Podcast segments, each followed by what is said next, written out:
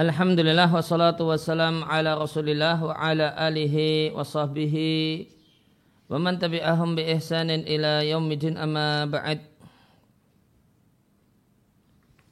Kaum muslimin dan muslimah rahimani wa rahimakumullah kembali kita lanjutkan kajian tentang asirah an-nabawiyah dari kitab Al-Urjuzah Al-Mi'iyah karya Ibnu Abil Ais Al-Hanafi rahimallahu rahmatan wasi'ah. Namun sebelum kita lanjutkan membaca bait selanjutnya ingin saya bacakan sebagai tambahan faedah dari buku Al-Anhar An-Naqiyah fi syarhi Al-Khulasa Al-Bahiyah fi tartibi ahdasi sirah an-nabawiyah berkenaan dengan uh, pernikahan Nabi Shallallahu Alaihi Wasallam dengan Khadijah.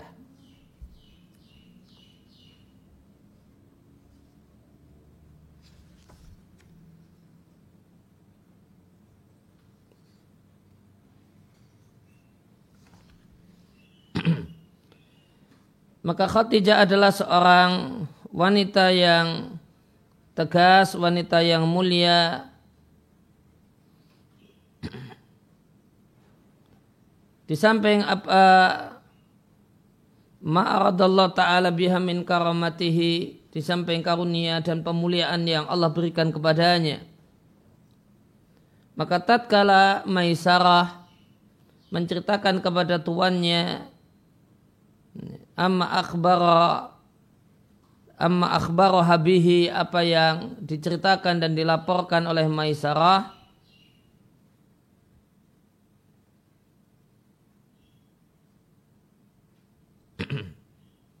Ba'asat ila Rasulillahi maka Khadijah mengutus seseorang untuk menemui Rasulullah. Tepatnya dia utus ya, kawan dekatnya namanya Nafisah binti Umayyah. Ya. Nafisah ini kemudian menawarkan kepada Rasul Shallallahu Alaihi Wasallam untuk menikah dengan Khadijah yang umurnya ketika itu 40 tahun. Dan Nabi alaihi salatu wasallam pun menyetujuinya dan umur Nabi ketika itu 25 tahun. Faqalat lahu fima yas'umuna.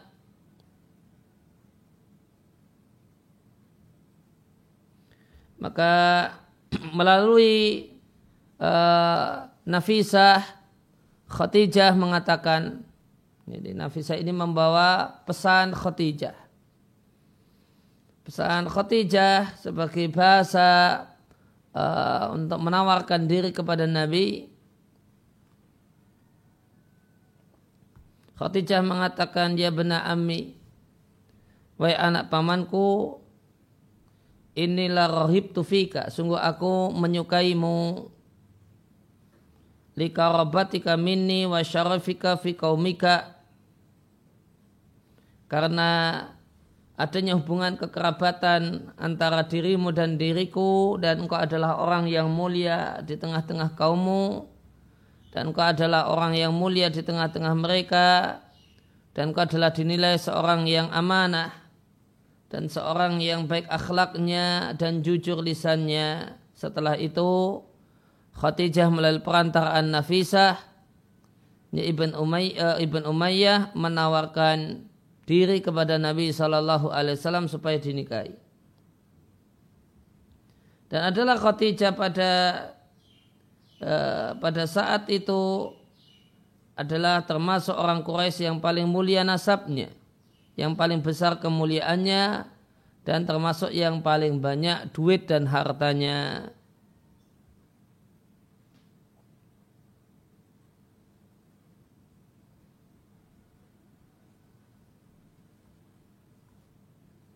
Nah, setelah Nabi Shallallahu Alaihi Wasallam mendapatkan penawaran diri dari Khadijah melalui kawannya Nafisa.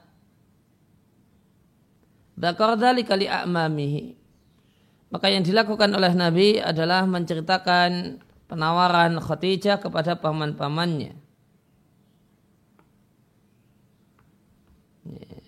Fakharaja ma'ahu ammuhu maka Nabi ditemani oleh pamannya Hamzah hatta dakhala ala Khuwailid ibn Asadin bertamu ke rumah ayah Khadijah yaitu Khuwailid ibn Asad karena Khadijah Khadijah binti Khuwailid maka yang melamar Khadijah adalah Nabi Shallallahu Alaihi Wasallam dibersamai oleh paman beliau Hamzah ibn Abdul Muttalib melamarnya ke uh, ayahnya Khadijah.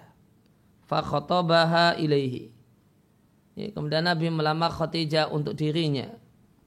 Lantas Nabi Shallallahu Alaihi Wasallam menikahinya.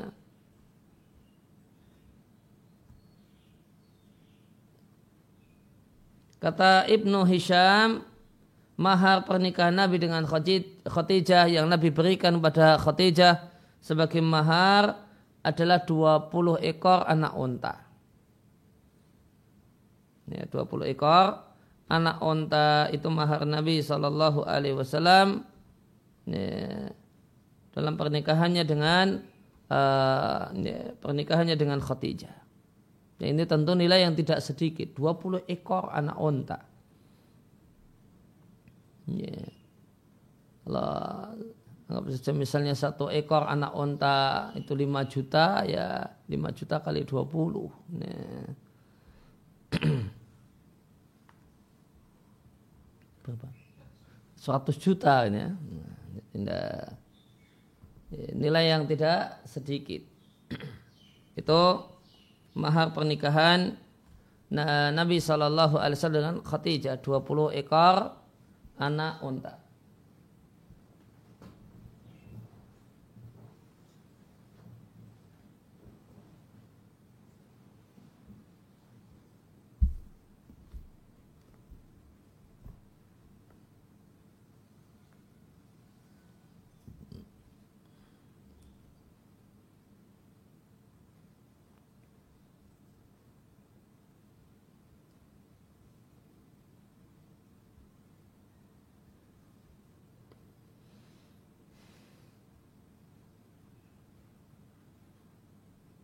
Ya, kalau tadi penghubung antara Khadijah dengan Nabi adalah Nafisah binti Umayyah. Ya, ada di buku yang lainnya mengatakan Nafisah binti Munabih. Ya, perlu dicek lebih lanjut mana yang benar.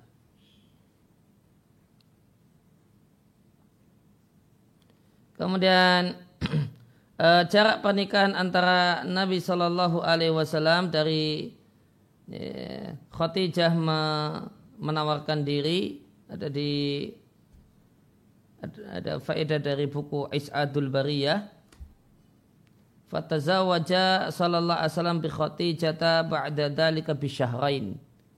Cuma ya 20 hari dari penawaran diri Ibunda Khadijah kepada Nabi Shallallahu Alaihi Wasallam.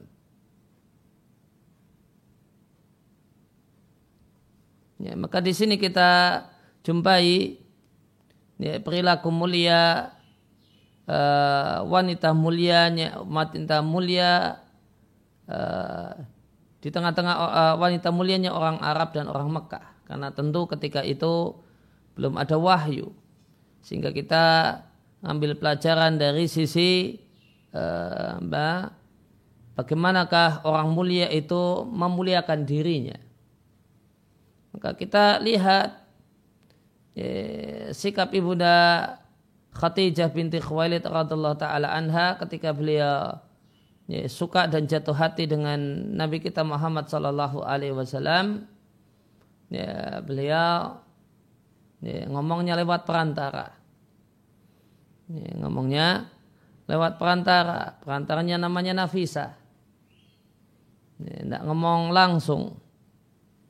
Ini, namun rasa malu dan kehormatan seorang wanita uh, mendorong ibunda Khadijah uh, binti Khuwailid radhiallahu anha untuk tidak ngomong langsung namun pakai perantara dalam hal ini perantaranya perempuan itu Nafisah binti Munabi atau Nafisah binti Umayyah kemudian uh, Nabi Shallallahu Alaihi Wasallam ketika mendapatkan uh, penawaran diri ini ya Nabi sampaikan kepada keluarganya keluarga besarnya dalam hal ini paman-pamannya.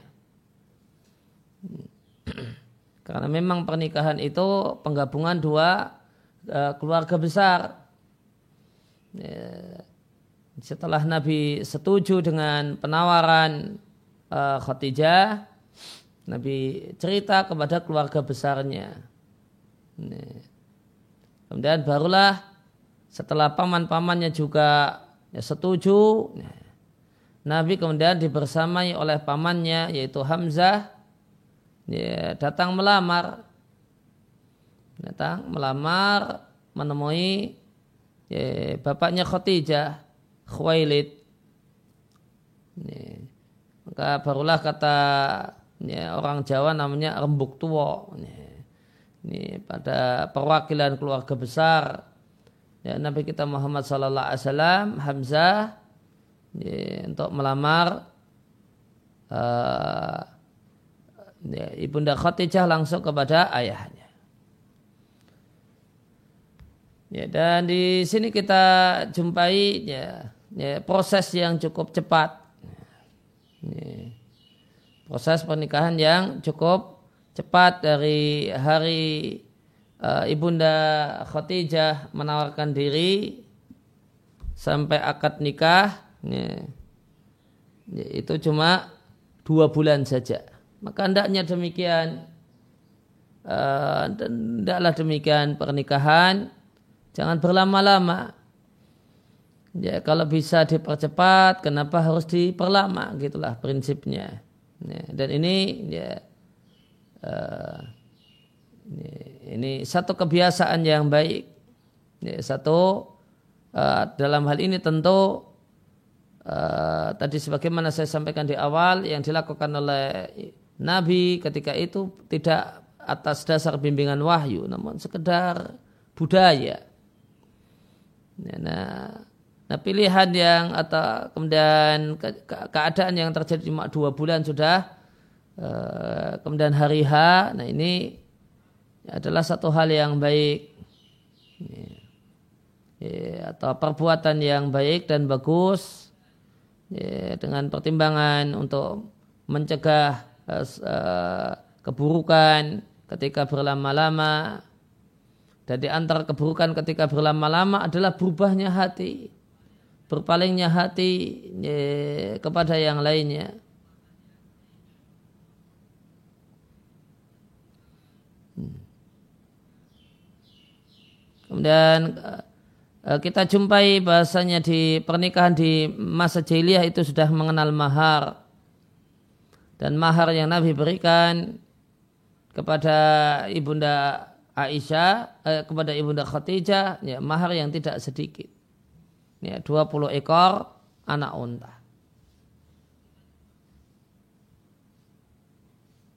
Maka ini menunjukkan ya, mulia dan gagahnya seorang laki-laki. Meski menikah dengan perempuan kaya raya, bahkan perempuan yang paling termasuk yang paling banyak hartanya, ya, maka maka supaya seorang laki-laki itu mulia di hadapan istrinya, ya, maka misalnya dalam masalah mahar ya ketika mampu untuk mahar dengan nilai yang cukup wah ya tunjukkan tidak terus ya, kemudian modal kosongan gitu. Ya. Namun terlihat meskipun dapat wanita kaya raya, ya, ketika mampu untuk memperlihatkan saya itu punya harga diri, saya itu punya kemuliaan, ya, maharnya pun dengan nilai yang cukup besar. Ya, itu yang ingin saya bacakan sebelum kita lanjut ke Urjuzah al-Mi'iyah. Kemudian kita lanjutkan ke Al-Urjuza Al-Mi'iyah karya Ibn Abil Is Al-Hanafi rahimallahu taala. Kita sampai pada bait yang keenam, kala nazim Kala nazim rahimallahu taala wa wulduhu minha khala Ibrahim fal awwalul qasimu hadha takrim wa wulduhu jamak dari walad semacam usdun jamak dari asad dan walad itu dalam bahasa Arab yutlak digunakan dalam pengertian anak laki-laki dan anak perempuan. Meskipun dalam makna uh, makna budaya walad itu identik dengan anak laki-laki. Namun makna bahasa itu anak laki-laki dan anak perempuan. Semisal contoh walad yang maknanya anak laki-laki dan anak perempuan, Anisa ayat yang ke-11. Yusikumullah fi auladikum Allah berwasiat kepada kalian untuk memberi warisan kepada auladikum semua anak kalian. Untuk laki-laki, anak laki-laki semisal bagian dua anak perempuan. Wa wulduhu minha, maka anak-anak Nabi minha yaitu dari Khadijah radhiallahu anha selain Ibrahim karena Ibrahim e, ibunya namanya Maria Al-Qibtiyah radhiallahu anha. Maka anak-anak Nabi seluruhnya dari Khadijah kecuali Ibrahim. Fal awalu maka anak Nabi yang pertama adalah Al-Qasimu namanya Al-Qasim. Awaluhu maka anak Nabi yang pertama namanya Qasim. Oleh karena itu Nabi SAW berkunyah dengan bihi dengan Al-Qasim alaihi salatu wassalam karena Al-Qasim adalah anak yang pertama. Ya. Maka hal ini e, menunjukkan kalau seorang itu mau berkunyah ya, maka di antara hal yang e, dinilai baik adalah berkunyah dengan nama anak yang pertama. Hazat takrim hada syai'a yahuzu hada haza yahuzu hauzan itu maknanya mengumpulkan. Artinya mengumpulkan pemuliaan. Kemudian bait yang ke 17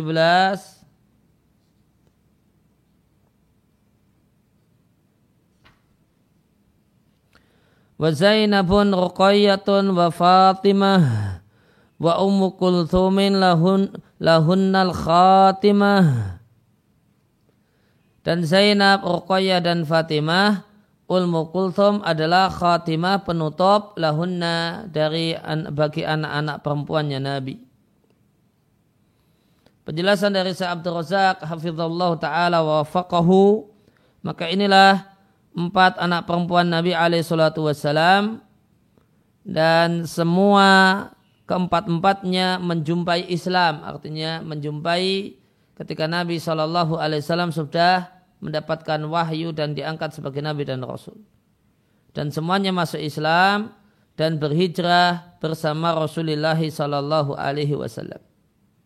Diatkan oleh Ibnu Sa'ad dalam At-Tabaqat dengan sanatnya dari Ibnu Abbas. Ibnu Abbas mengatakan adalah awaluman wulida anak pertama Rasulullah Sallallahu Alaihi Wasallam di Mekah sebelum beliau jadi nabi adalah Al Qasim. Wabi dan dengan Al Qasim beliau berkunyah. Kemudian setelah Qasim lahirlah untuk Nabi Zainab, setelah itu lahir Ruqayyah, setelah itu Fatimah, setelah itu Ummul Kulthum. Summa wulidalahu fil Islam, kemudian terlahir untuk Nabi fil Islam setelah Nabi. Fil Islam artinya setelah beliau uh, diangkat sebagai nabi dan rasul. Itu lahir Abdullah. Fasumia dan Abdullah ini diberi nama dan gelar Tayyib dan Tahir. Ya. Wa umum dan ibu mereka semua adalah Khadijah bintu Khuwailid. Wa umul kulthum min lahunnal khatimah. Artinya Anna Basamul Kulthum adalah anak perempuan Nabi yang paling kecil Salatullah wassalamu alaih. Namun ini ala khilafin baina ahli ilmi. Fidalik ada perselisihan ulama dalam masalah ini. Apakah anak Nabi yang paling kecil itu Ummu Kulthum ataukah Fatimah. Maka pendapat yang dipilih oleh Ibn Abil Is al-Hanafi di Al-Urjuza al-Mi'iyah eh, anak perempuan Nabi yang paling kecil, yang paling belia adalah Ummul Kulthum. Ibn Abdul Bar al-Maliki di kitabnya Al-Isti'ab mengatakan perselisihan tentang yang paling kecil dari anak perempuan Rasulullah Sallallahu Alaihi Wasallam itu banyak, sedangkan perselisihan tentang anak yang anak perempuan Nabi yang paling tua itu pendapat yang nyeleneh. Wasahi yang benar, anak perempuan Nabi yang paling besar adalah Zainab. Ibnu Hajar al Asqalani di Fatul Bari mengatakan yang disepakati anak-anak Nabi yang eh, yang disepakati sebagai anak Nabi adalah Al Qasim dan dengannya Nabi berkunya Qasim ini mata sagiran mati ketika masih kecil sebelum mab'ath Nabi diutus sebagai Nabi au ba'dahu atau setelah Nabi diutus sebagai Nabi. Sedangkan anak perempuan beliau ada empat, Zainab, kemudian Ruqayyah, kemudian Ummul Kulthum, kemudian Fatimah. Ini kalau Ibnu siapa? Ibnu Hajar itu memilih pendapat anak yang paling kecil adalah Fatimah. Wakil kemudian beliau mengisyaratkan adanya pendapat yang lain dan ada yang mengatakan bahasanya Ummu Kulthum lah itu lebih kecil daripada Fatimah.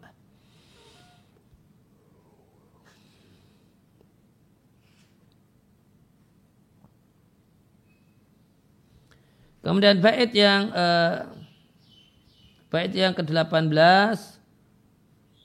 Wattahiru tayyibu abdullahi Wakila kullus min li fardin zahi.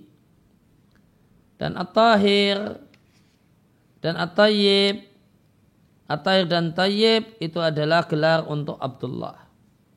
Wakil dan ada yang mengatakan semua nama itu li fardin untuk person. Sehingga ada yang namanya Tahir, ada yang namanya Tayyib, dan ada yang namanya Abdullah. Zahi, Zahi maknanya jamilun musyrikun, yang ganteng-ganteng, ya, seorang anak, person yang anak yang ganteng, musyrikun yang bercahaya. Itu bercahaya wajahnya. Bercahaya wajahnya di sini artinya cakep. Penjelasannya artinya bahasanya Tair dan Tayyib adalah dua gelar atau lakab untuk Abdullah. Bukan dua anak laki-laki yang lain bagi Nabi Sallallahu Alaihi Wasallam. Meskipun kil kulus min lifardin. Inilah pendapat yang lain yang dihikayatkan, yang diceritakan oleh uh, Ibn Abil Ais al-Hanafi ala wajib ta'if dengan bentuk ya, isyarat uh, kepada kedaifannya dengan mengatakan kil. Catatan kaki satu. Ibnu Hajar di Al-Fatul Bari mengatakan Abdullah itu lahir setelah Mab'as setelah Nabi itu sebagai Nabi lain hanya dengan Al-Qasim. Fakana yukalulahu maka dia disebut juga dengan sebutan Tahir dan Tayyib. Wa dan ada yang berpendapat Tahir dan Tayyib itu dua saudaranya Abdullah. Namun yang jelas matat ad-dukuru siraran bittifaqin. Dengan sepakat para ulama sirah nabawiyah, anak-anak Nabi yang laki-laki semuanya meninggal dunia dalam keadaan eh, belum dewasa.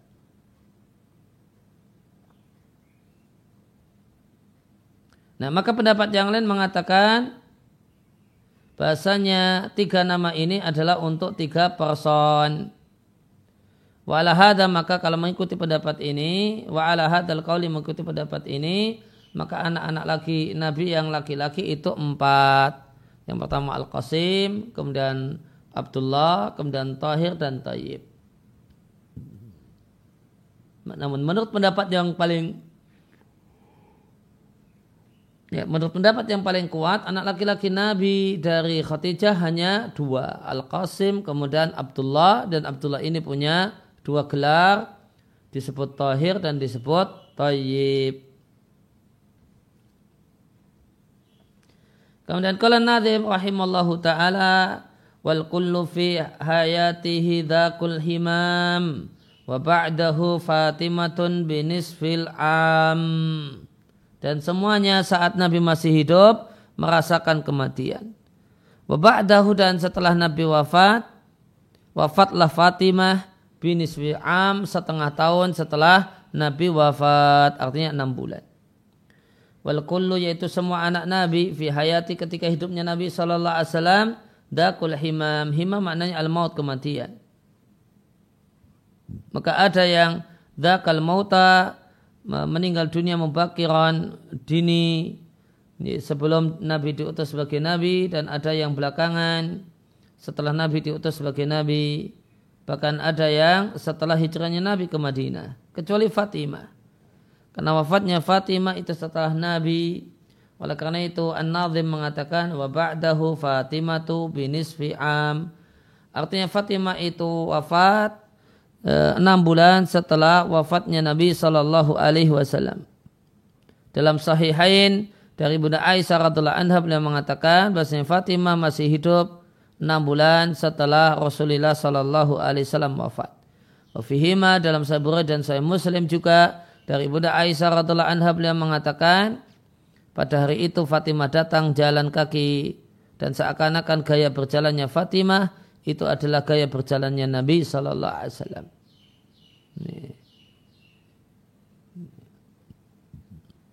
Lantas Nabi Shallallahu Alaihi Wasallam ketika Fatimah datang ke rumah Nabi, Nabi menyambut dengan gembira dengan mengatakan marhaban bibnati Selamat datang wahai anak perempuanku. Kemudian Nabi minta Fatimah untuk duduk di sebelah kanan atau kiri Nabi. Kemudian Nabi membisikkan ilaiha kepada Fatimah hadisan, perkataan dan kalimat. Fabakat Fatimah lantas menangis. Maka Aisyah bertanya kepada Fatimah limat limat tabakina. Kenapa engkau menangis? Kemudian Nabi bisikkan pada Fatimah, satu kalimat yang lain fadhahikat. Fatimah pun tertawa. Maka komentar Ibunda Aisyah, "Ma ra'aitu kal yaum." Aku belum pernah lihat ya, kejadian seperti hari ini. Farhan akrab min husnin. Gembira itu demikian dekat dengan sedih. Ini baru saja menangis setelah itu bisa tertawa. Maka kutanyakan kepada Fatimah apa yang dikatakan oleh Nabi. Fatimah mengatakan, aku tidak akan menyebarkan rahasia Rasulullah Sallallahu Alaihi Wasallam. Setelah Nabi wafat, aku kembali bertanya kepada Fatimah. Maka Fatimah mengatakan asara ilayya Nabi bisikkan kepadaku. Bahasanya adalah Jibril menyetorkan uh, setoran Quran kepadaku kula sanatin setiap tahunnya marotan sekali perlu diketahui dari hadis ini uh, sebagian ulama berpendapat bahasanya seorang muslim minimal khatam Al-Quran sekali dalam setahun. Ini alasannya karena uh, setoran uh, Quran antara uh, Jab, Nabi setoran Quran pada Jibril itu dalam satu tahun sekali. Wa ina aradani al-ama maratain. Dan al-ama tahun ini Jibril ngajak, ngajak setoran dua kali. Maka kalau kita belajar e, kiraat itu ada istilah kiraah ini nusikhat fil ardah al akhirah. Hmm, ada istilah. Cara baca ini sudah dihapus di setoran yang terakhir. Maka ada pada saat setoran terakhir Nabi kepada malaikat Jibril itu ada sejumlah cara baca yang dihapus. Ini dulu dipakai, kemudian tidak, tidak dipakai. Nah, itu ya, diistilahkan dengan ardah akhirah. Setoran terakhirnya Nabi dengan malaikat Jibril. Walau wala urahu ura itu artinya sangka don dan tidaklah aku menyangka kecuali hadar ajali. Ajalku telah tiba. Maka hal ini menunjukkan bahasanya orang yang merasa ajalnya telah dekat hendaknya dia melipat gandakan ya, amal saleh. Ya, kalau kemarin setorannya setahun cuma khatam uh, setoran dengan Jibril cuma satu kali khatam ini dua kali khatam. Kemudian Nabi mengatakan kepada ibunda Ais, uh, ibunda uh, kepada Fatimah, sesungguhnya engkau wahai Fatimah adalah keluargaku yang pertama kali menyusulku, yaitu mati. Maka aku pun menangis. Fakal lantas Nabi berbisik, tidakkah engkau rela engkau adalah sayyidah, pemimpin ahli jannah, penduduk surga, yaitu atau pemimpin Nisa'il mu'minin wanita-wanita yang beriman. Maka aku tertawa. Lidhalika aku tertawa gembira karenanya. Ya, ya demikian uh, penjelasan dari Syekh Abdul Razak untuk bait uh, beberapa bait tentang seputar anak Nabi dari bait 16 sampai bait 19.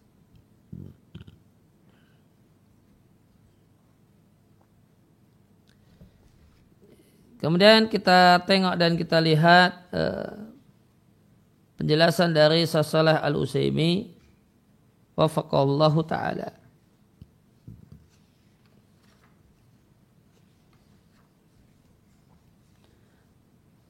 Ada di halaman 14 di baris yang ketiga Thumma dzakara an-nadhim rahimallahu waladan Nabi sallallahu alaihi wasallam min Khadijah dan Anadim rahimahullah menyebutkan anak-anak Nabi dari Khadijah. Yang pertama adalah Qasim, itulah yang paling tua. Summa adda ba'dahu, kemudian bila sebutkan satu persatu setelah Qasim, lima anak. Empat anak perempuan dan satu anak laki-laki. Maka anak perempuan Nabi mengikuti hitungan dari uh, penulis Urjuzah, Al-Mi'iyah, Zainab, Ruqayyah, Fatimah, kemudian Ummul Kulthum.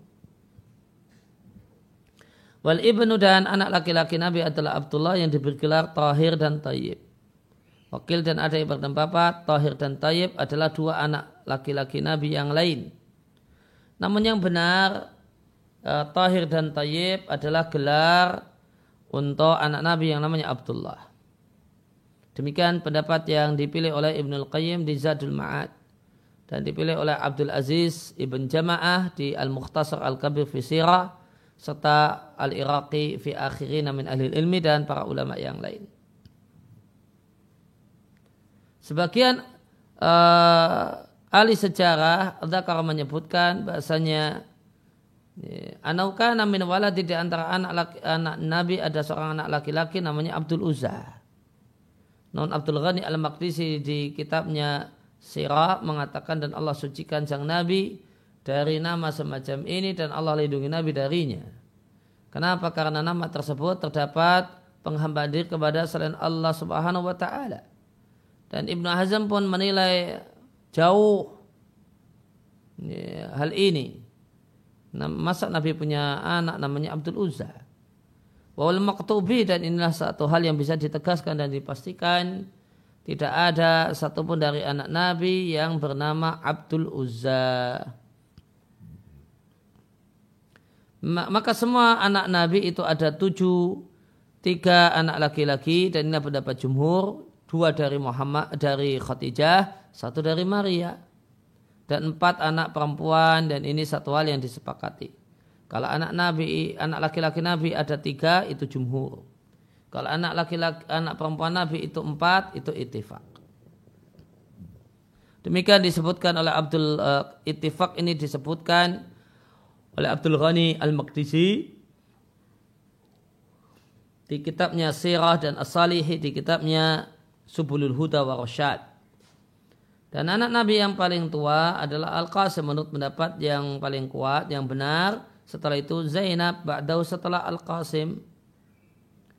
Dan yang paling kecil adalah Ibrahim dengan sepakat para ahli tafsir karena dia lahir di Madinah. Nah, kalau anak perempuan Nabi yang paling kecil, nah ini yang diperselisihkan. Wa asralul banati, sedangkan anak Nabi yang paling kecil adalah Fatimah menurut pendapat yang paling kuat dari dua pendapat ulama dalam masalah ini menyelisihi majara alaihi pendapat yang diambil oleh An-Nazim Fa'inna maka an-nazim cara mengikuti pendapat yang lain yang mengatakan bahasanya anak perempuan Nabi yang paling kecil adalah Ummul Kulsum. Wasahih asurra an-nazura namun yang benar anak yang paling kecil dari anak perempuan Nabi adalah Fatimah radhiallahu anha. Semua anak Nabi lahirnya sebelum diutusnya Nabi Shallallahu Alaihi Wasallam kecuali dua Abdullah dan Ibrahim karena keduanya lahir setelah Nabi Shallallahu Alaihi Wasallam berstatus sebagai Nabi dan Rasul. Kemudian an menyebutkan bahasanya anak-anak Nabi semuanya meninggal dunia ketika Nabi masih hidup. Al-himam artinya al-maut. Zaukuhu mengicipi dan merasakan kematian artinya datang kematian dan terjadinya kematian. Maka semuanya meninggal dunia ketika Nabi Shallallahu Alaihi Wasallam masih hidup kecuali Fatimah. Karena Fatimah itu matat meninggal setelah wafatnya Nabi Shallallahu Alaihi Wasallam enam bulan. Menurut pendapat yang paling kuat, karena terdapat dalam hadis yang saya dari Bunda Aisyah radhiallahu anha, Bunda Aisyah mengatakan bahasanya Fatimah itu meninggal enam bulan setelah Nabi Shallallahu Alaihi Wasallam. Dan perkataan Aisyah radhiallahu anha lebih didahulukan daripada perkataan yang lainnya yang datang setelah generasi Ibunda Aisyah yaitu tabi'in dan orang-orang setelah mereka dari para penukil atau para ahli sirah nabawiyah. Kemudian lam yu'aqib dan Nabi Shallallahu alaihi wasallam tidaklah diberi keturunan dari anak-anak beliau tidak lam yu'aqib tidaklah memberikan keturunan ahadun satupun dari anak-anak beliau kecuali Fatimah. Fatimah memberikan keturunan dan wasara dan jadilah Fatimah itu memiliki anak keturunan yang akan disebutkan oleh An-Nadhim rahimallahu taala anak keturunan Fatimah di tempatnya nanti di Nadham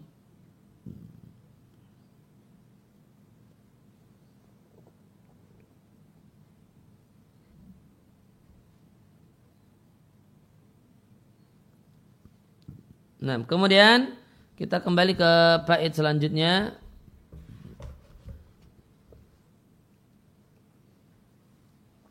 Kembali ke sarahnya uh, Syekh Abdul Razak Di bait yang ke-20 Qala an-nadhimu rahimallahu ta'ala wa ba'da khamsin wa thalathina hadar madar bunyana baitillahi lamma andasar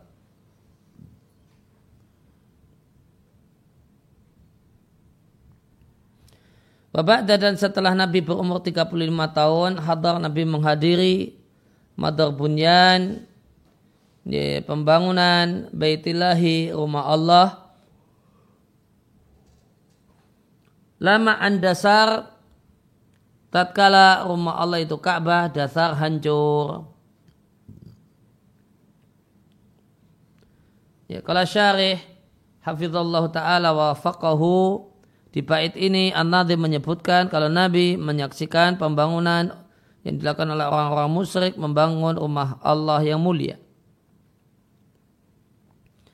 Wakanat adil hadisat dan peristiwa ini adalah tatkala usia Nabi Shallallahu Alaihi Wasallam 35 tahun.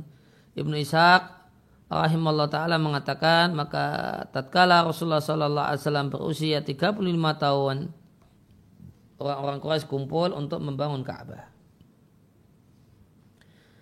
Dari dalam hal tersebut karena pembangunan al-bait Ka'bah itu karena bangunan Ka'bah itu rusak watasadda'a dan hancur bisa babi sailin arimin disebabkan karena sail. Ini sebagiannya menerjemahkan dengan banjir. Ya, namun tidak begitu tepat sebenarnya sail itu banjir. Sail itu setelah hujan deras, setelah hujan deras tiba, selesai atau saat hujan deras berlangsung, air uh, ya di tanah itu ya, air deras mengalir di tanah. Ya, terutama terlihat misalnya dari tempat yang tinggi. Nah, itu namanya sail.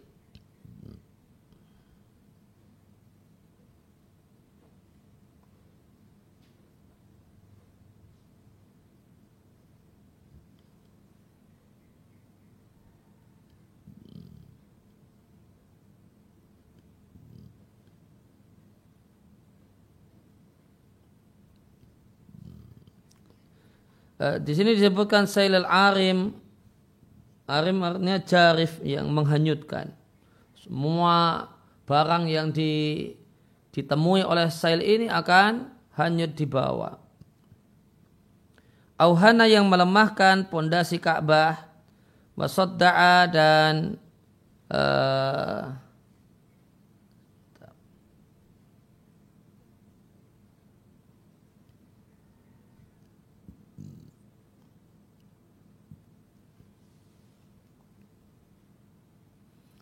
ya, membuat retak soda'a retak. Syakka kasarahu duna infisali ajzaihi. Ya, rusak namun bagian-bagiannya tidak sampai terpisah.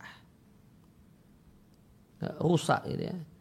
Atau retak itu retak ya. Wasadda'a judranahu dan membuat retak dinding-dinding Ka'bah. Fahtaja maka Ka'bah perlu ayu ada bina'uhu min jadidin dibangun ulang dan Nabi Ali Shallallahu Wasallam menghadiri tersebut dan menyaksikannya. Bahkan sahabat valid bahasa Nabi Shallallahu Alaihi Wasallam syaraka berperan serta dalam memindah batu. Sebagaimana dalam Sahih Bukhari dan Sahih Muslim dari Jabir bin Abdullah radhiallahu anhuma beliau mengatakan tatkala Ka'bah dibangun maka Nabi dan Abbas ikut yang kulani memindah batu. Lantas pamannya Al-Abbas mengatakan pada Nabi Shallallahu Alaihi Wasallam, beliau cuma pakai izar, tidak pakai rida. Nabi ketika itu hanya pakai uh, izar saja. Izar itu seperti sarung, tapi dari kain, kain panjang. Ya, gambarannya seperti uh, pakaian bawahan lelaki yang dalam keadaan ihram haji atau umrah. Nah, Abbas mengatakan, jadikalah izarmu ke leher, yakika menjagamu minal hijarati dari batu. Ini kalau apa izarnya ditarik ke atas diikatkan ke leher ya berarti bawah telanjang.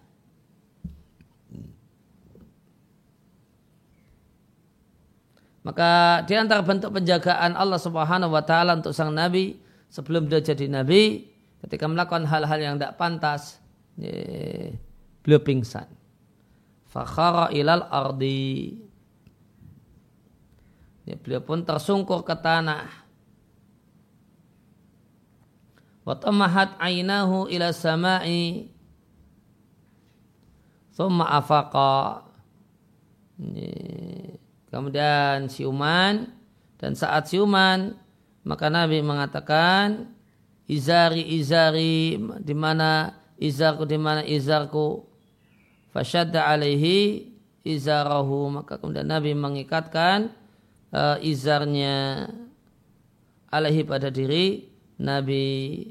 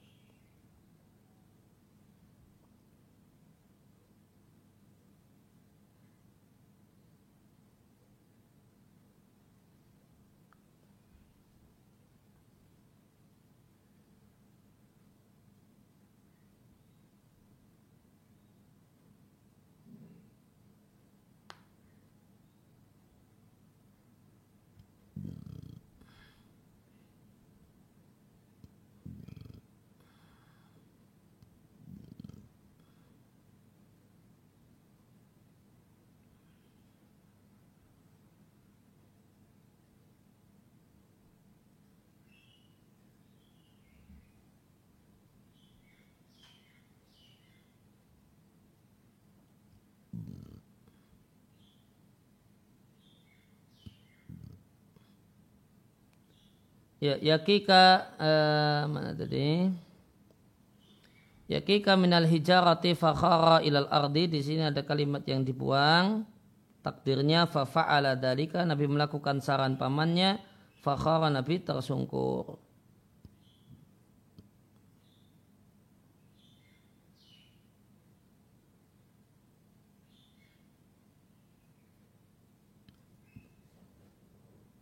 Dan di hadis yang lain dari Abu Tufail, maka pada saat Rasulullah Shallallahu Alaihi Wasallam memindah batu bersama uh, orang-orang Quraisy yang lain, tiba-tiba tersingkaplah aurat Nabi, maka Nabi diteriaki wahai Muhammad tutuplah auratmu.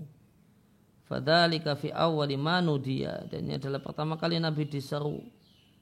Maka tidaklah terlihat aurat Nabi kebelu sebelumnya, tidak pula setelahnya.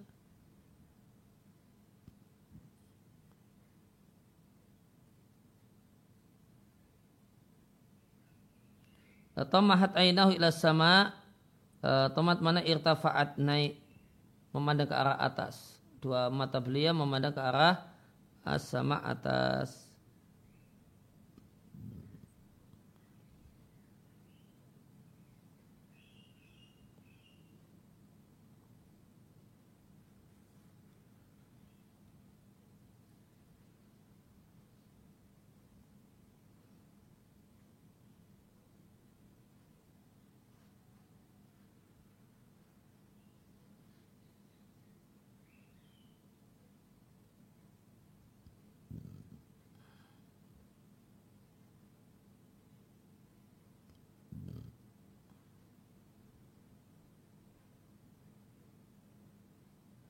Ya, khara maknanya kalau mau di dalam bahasa sakota jatuh.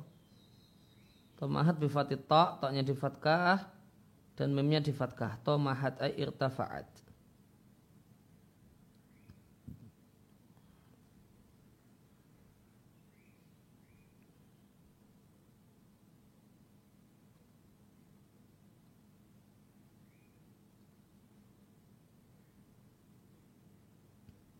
Maka di sini kita jumpai penjagaan Allah Subhanahu wa taala.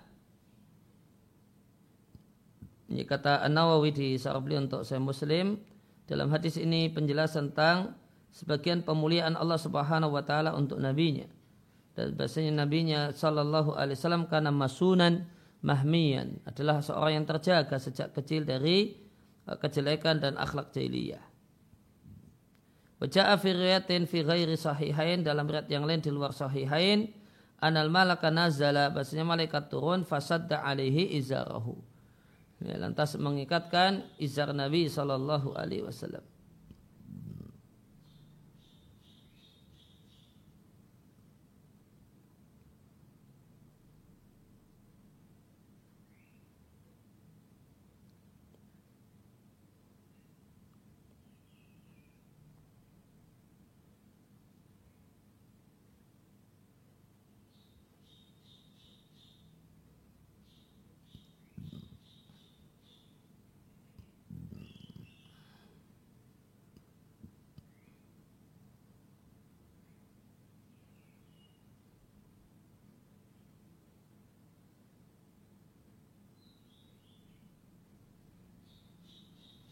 Di sarah yang lain Ija'al izaraka ala raqabatika Artinya litakwa bihi Supaya engkau kuat dengan menggunakan izarmu Untuk memikul batu. Berarti izarnya dilepas gitu ya. Izarnya dilepas berarti telanjang. Kemudian batu diletakkan di izar Kemudian dipakai untuk mikul Fafa'ala alaihi salatu wassalam dalika maka Nabi melakukan permintaan pamannya fakhara ay waqa'a ilal ardi. Maka Nabi kemudian jatuh pingsan. Wa tomahat kalau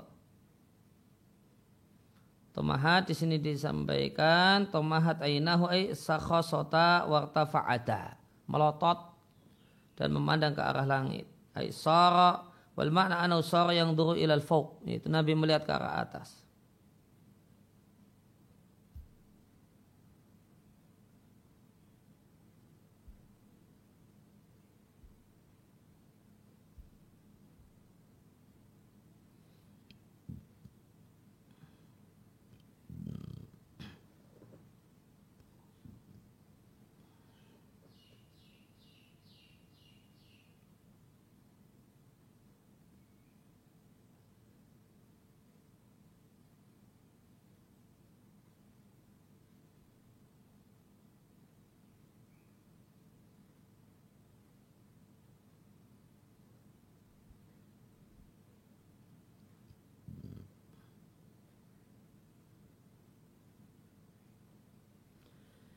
Ya, kemudian di sini ada fakola, fakola izari izari. Nabi berkata kepada siapa? Di ada yang menjelaskan fakola alaihi salatu wasalam li ami al Abbas. Nabi berkata kepada pamannya Abbas, izari izari, izarku izarku. Ya. Maka akhirnya Abbas memberikan pada Nabi izar Tentu kemudian Nabi menerimanya, lantas fasyadda alihi. Nabi mengikat izarnya pada diri beliau.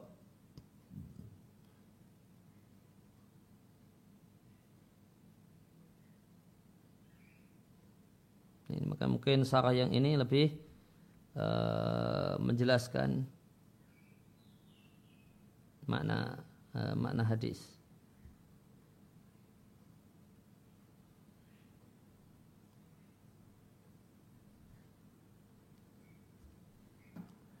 Nah, kemudian bait yang ke-21.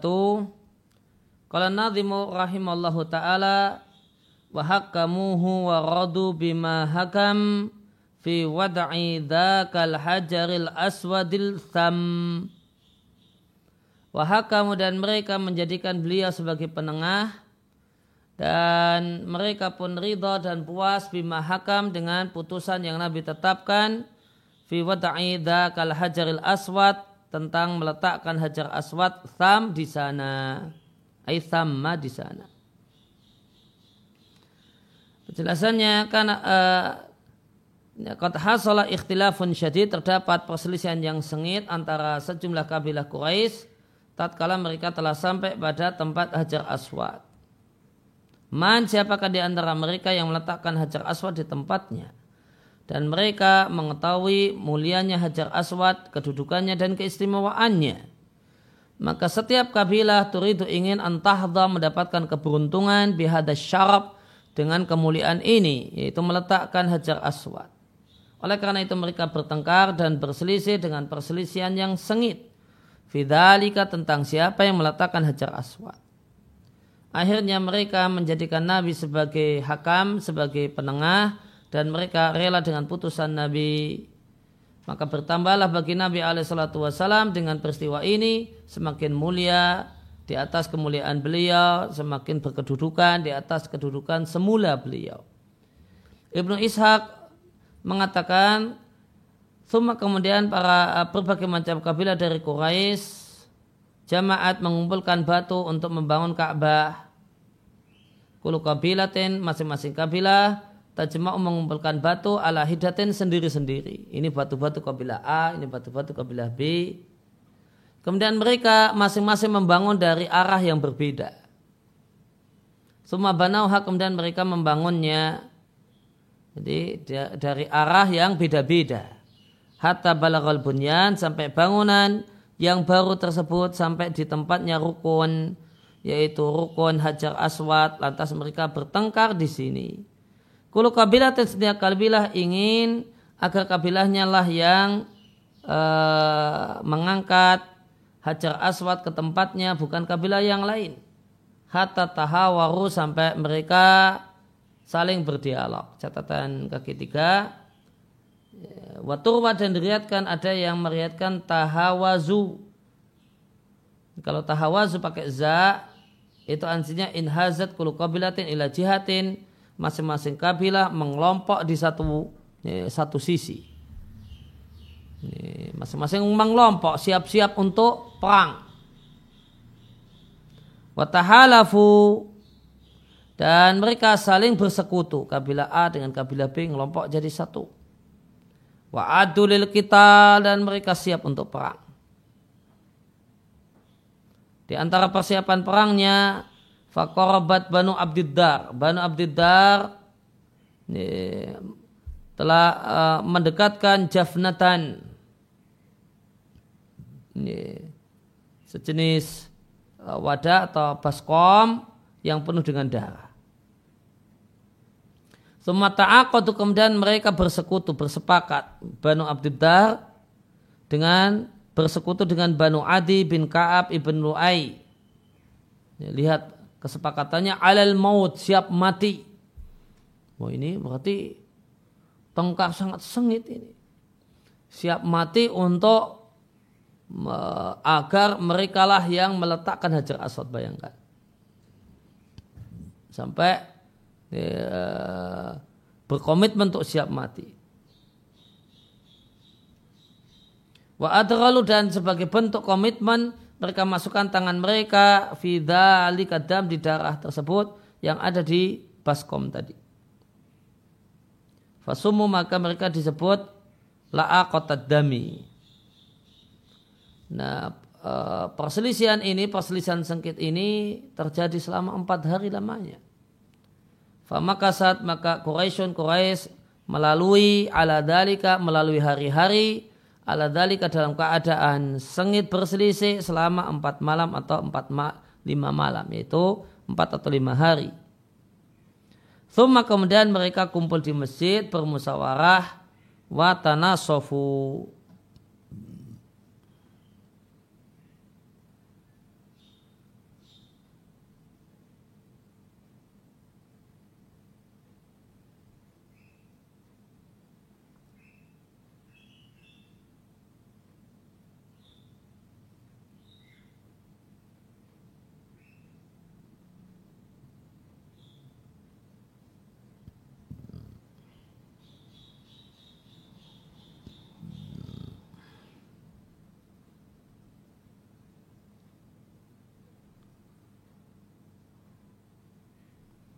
tanasofu nasofu e, berarti apa?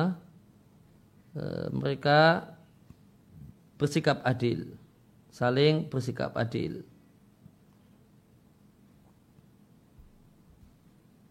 Hmm. Sebagian ahli riwayat ahli sejarah Za'ama mengatakan bahasanya Aba Umayyah ibn Mughirah ibn Abdullah ibn Umar ibn Makhzum dan dia di tahun itu adalah orang Quraisy yang paling tua. Kal mengatakan baik orang-orang Quraisy jadikalah di antara kalian dalam hal yang per, kalian perselisihkan awalaman orang yang pertama kali masuk mimbabi hadal masjidi dari pintu masjid ini yang memberikan putusan di antara kalian tentang perselisihan kalian. Fafa'alu maka mereka pun setuju. Maka awal dari yang pertama kali masuk menemui mereka adalah Rasulullah Sallallahu Alaihi Wasallam. Fala memakat tatkala mereka melihat Nabi, mereka mengatakan hadal aminu, inilah al amin orang yang terpercaya kami rela dengan putusannya ini adalah Muhammad. Maka tatkala Nabi itu intaha uh, ilaihim berjalan mendekati ke arah mereka setelah sampai uh, ke kerumunan tersebut mereka bercerita kepada Nabi kita sallallahu alaihi wasallam al khabara berita dan peristiwa yang telah terjadi. Maka Nabi Shallallahu Alaihi Wasallam kemudian mengatakan, halumma ilayya thauban. Mari berikan kepadaku satu kain. Fa'utiyabi maka diberikanlah kepada Nabi satu kain.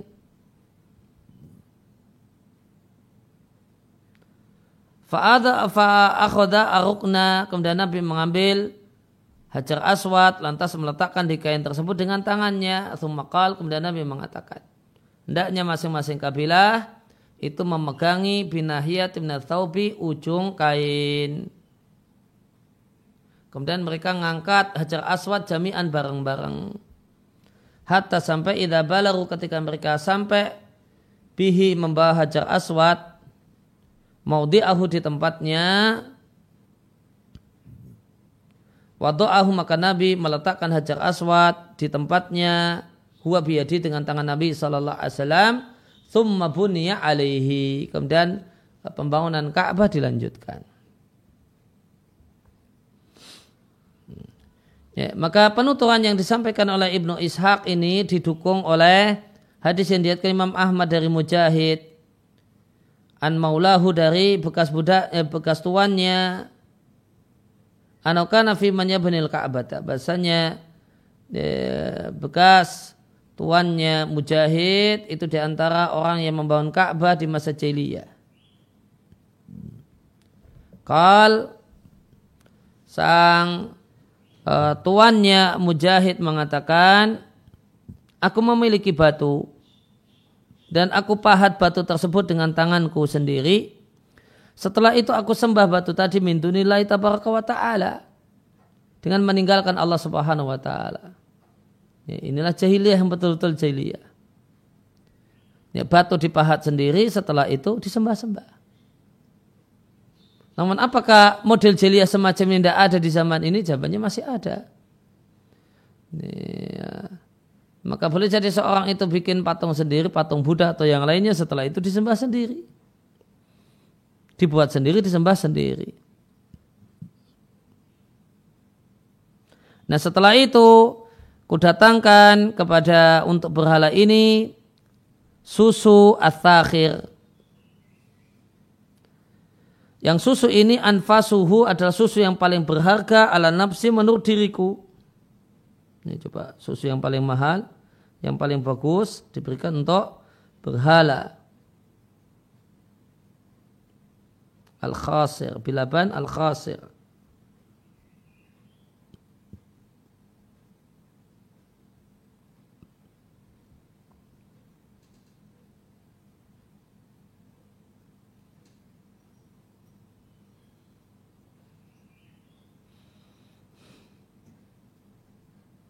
Ya, artinya yang bagus uh, khasir.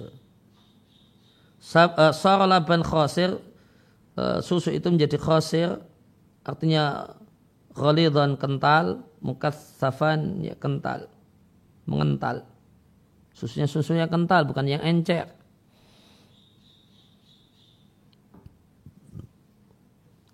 Fa'asabuhu lantas aku tuangkan susu yang ya, eh, yang kental tadi kutuangkan alihi pada patung berhala. Apa yang terjadi? Siapa yang menikmati? Fayaju al kalbu maka datanglah anjing menjilati susu. Jadi yang menikmati bukan berhalanya namun malah anjing. Setelah dia puas jilati susu, Thumma kemudian anjing tadi yaskharu. Yaskhar itu mengangkat kaki belakangnya, salah satu kaki belakangnya. Mau apa? Mau kencing. Faya bulu kemudian kencing.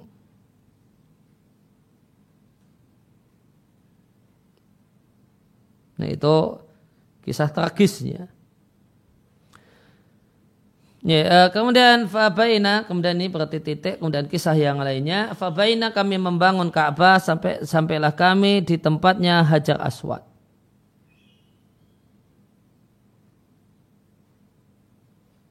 Wa mayara al hajar ahadun. Pada awalnya tidak ada satupun yang melihat Hajar Aswad.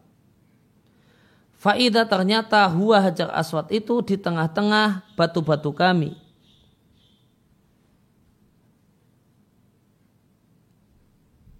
Ukurannya seberapa? Misla ra'si rajuli. Semisal seukur kepala laki-laki. Yakadu yatara'a minhu wajhu rajuli. Hampir-hampir terlihat darinya itu wajah laki-laki. Fakola batenun Batuna artinya suku. Maka salah satu suku Quraisy mengatakan, kamilah yang meletakkannya di tempatnya. Yang suku yang kedua mengatakan, kamilah meletakkannya. Akhirnya mereka mengatakan, jadikanlah di antara kalian hakaman penengah. Kalau mereka mengatakan orang yang pertama kali ya telu'u muncul minal fajji dari jalan ini, itulah penengahnya. Dan ternyata datanglah Nabi Shallallahu Alaihi Wasallam Fakalu mereka mengatakan yang datang kepada kalian adalah orang yang terpercaya. Fakalu lahu lantas mereka bercerita kepada Nabi apa yang terjadi. Maka Nabi meletakkan hajar aswad di satu kain. Kemudian da'a Nabi panggil butunahum suku-suku Quraisy. Mereka kemudian memegangi nawahihi ujung-ujung kain.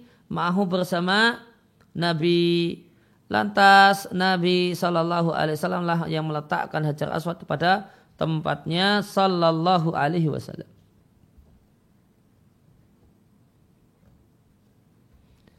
Kemudian uh, penjelasannya penjelasan untuk bait-bait ini dari uh, Sasola Al-Usaimi wafaqahullahu.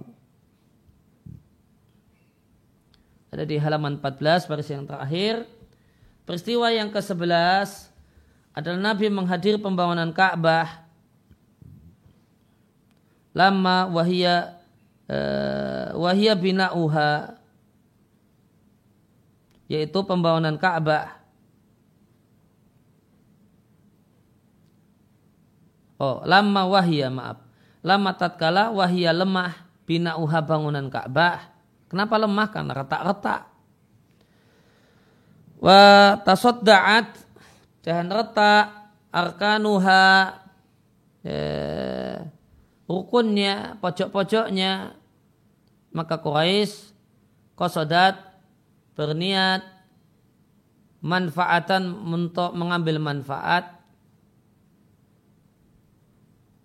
biha dengannya tufadu al-Ka'bah, Ka'bah terjaga. Ya, apa rencana Quraisy? I'la ubabiha, mau meninggikan pintunya, pintunya tinggi. Dan mau meninggikan arkanuha uh, sisi-sisinya. Maka mereka bersengaja untuk mencongkel batu-batu Ka'bah dan menghancurkan Ka'bah. Suma'adu kemudian mereka kembali membangunnya. Dan ini adalah uh, pembangunan yang ketiga yang dilakukan oleh selain Ibrahim alaihissalatu wassalam. Karena Nabi Ibrahim alaihissalatu wassalam lah yang pertama kali membangunnya. Kemudian hancurlah Ka'bah, dibangun, kemudian dibangun oleh Amalikah. Ini pembangunan yang kedua atau pembangunan pertama untuk selain Ibrahim. Kemudian hancur, fabanat hajurhum, lantas dibangun oleh jurum. Ini pembangunan yang ketiga. Kemudian tahadamat hancur, kemudian dibangun oleh Quraisy. Ini pembangunan yang ketiga. Sahahada sahih kisah ini dari hadisnya Ali radhiallahu anhu yang dihatkan oleh Al Hakim dan yang lain dengan sanad yang hasan. Dan umur Nabi Shallallahu Alaihi Wasallam ketika itu 35 tahun. Lima dikarenakan riwayat yang dihatkan oleh Abdul Razak dengan sanad yang kuat dari Abu Tufail. Nama aslinya Amir ibn Wathilah radhiallahu anhu beliau mengatakan karena adalah pembangunan Ka'bah ya, antara pembangunan Ka'bah dan turunnya wahyu kepada Nabi Shallallahu Alaihi Wasallam itu lima tahun dan Nabi dapat wahyu ya, ada usia uh, 40 tahun. Kalau lima tahun berarti ketika beliau berumur 35 tahun. Fabanat Quraisyun Ka'bah dibangun oleh Quraisy setelah hadamatha setelah mereka menghancurkannya ibtira'a dalam rangka untuk meninggikan pintunya dan menguatkan tembok-temboknya. Maka tatkala mereka telah sampai ke Hajar Aswad atau tempat Hajar Aswad mereka berselisih firman tentang orang yang mendapatkan kemuliaan meninggikan yaitu maksudnya meletakkan kembali Hajar Aswad hatta tahajazu Wakadu dan hampirlah mereka ayak tatilu perang atau tawuran.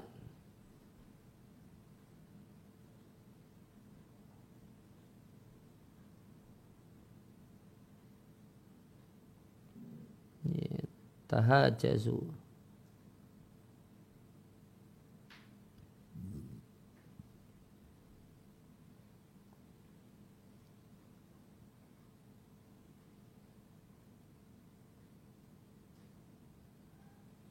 tahajazu masing-masing uh, uh, sebagiannya memegangi hujus yang lain. Hujus itu tempat ikat pinggang.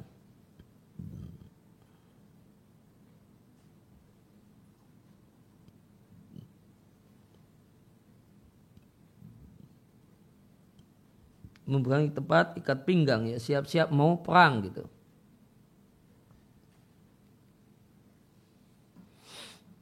Wakatu dan hampirlah mereka ayak tatilu berperang.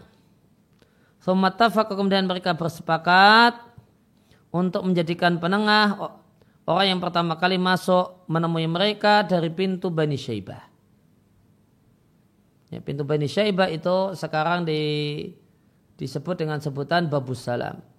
Ada di sebelah di sisi timur uh, Masjidil Haram.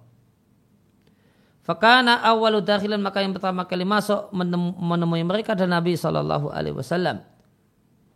Sabatahadah ini terdapat dalam berat hakim dari Ali dengan sanad yang hasan. Maka tatkala mereka melihat Nabi mereka mengatakan atakumul aminu datang menemui kalian orang yang terpercaya.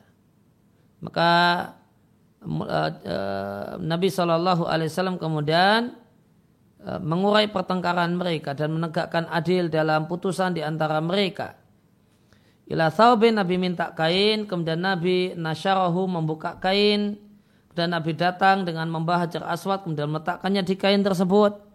Thumma amara kula kabilatin kemudian Nabi perintahkan setiap kabilah dari kabilah-kabilah Quraisy untuk memegangi ujung kain.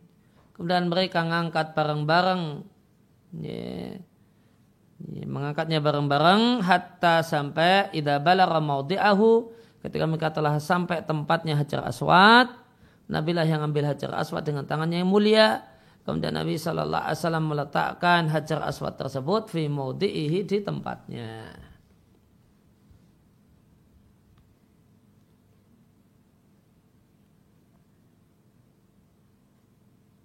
Nah demikian yang kita baca dan kita kaji, kita telah kesempatan pagi hari ini. Wassalamualaikum warahmatullahi wabarakatuh. Ya.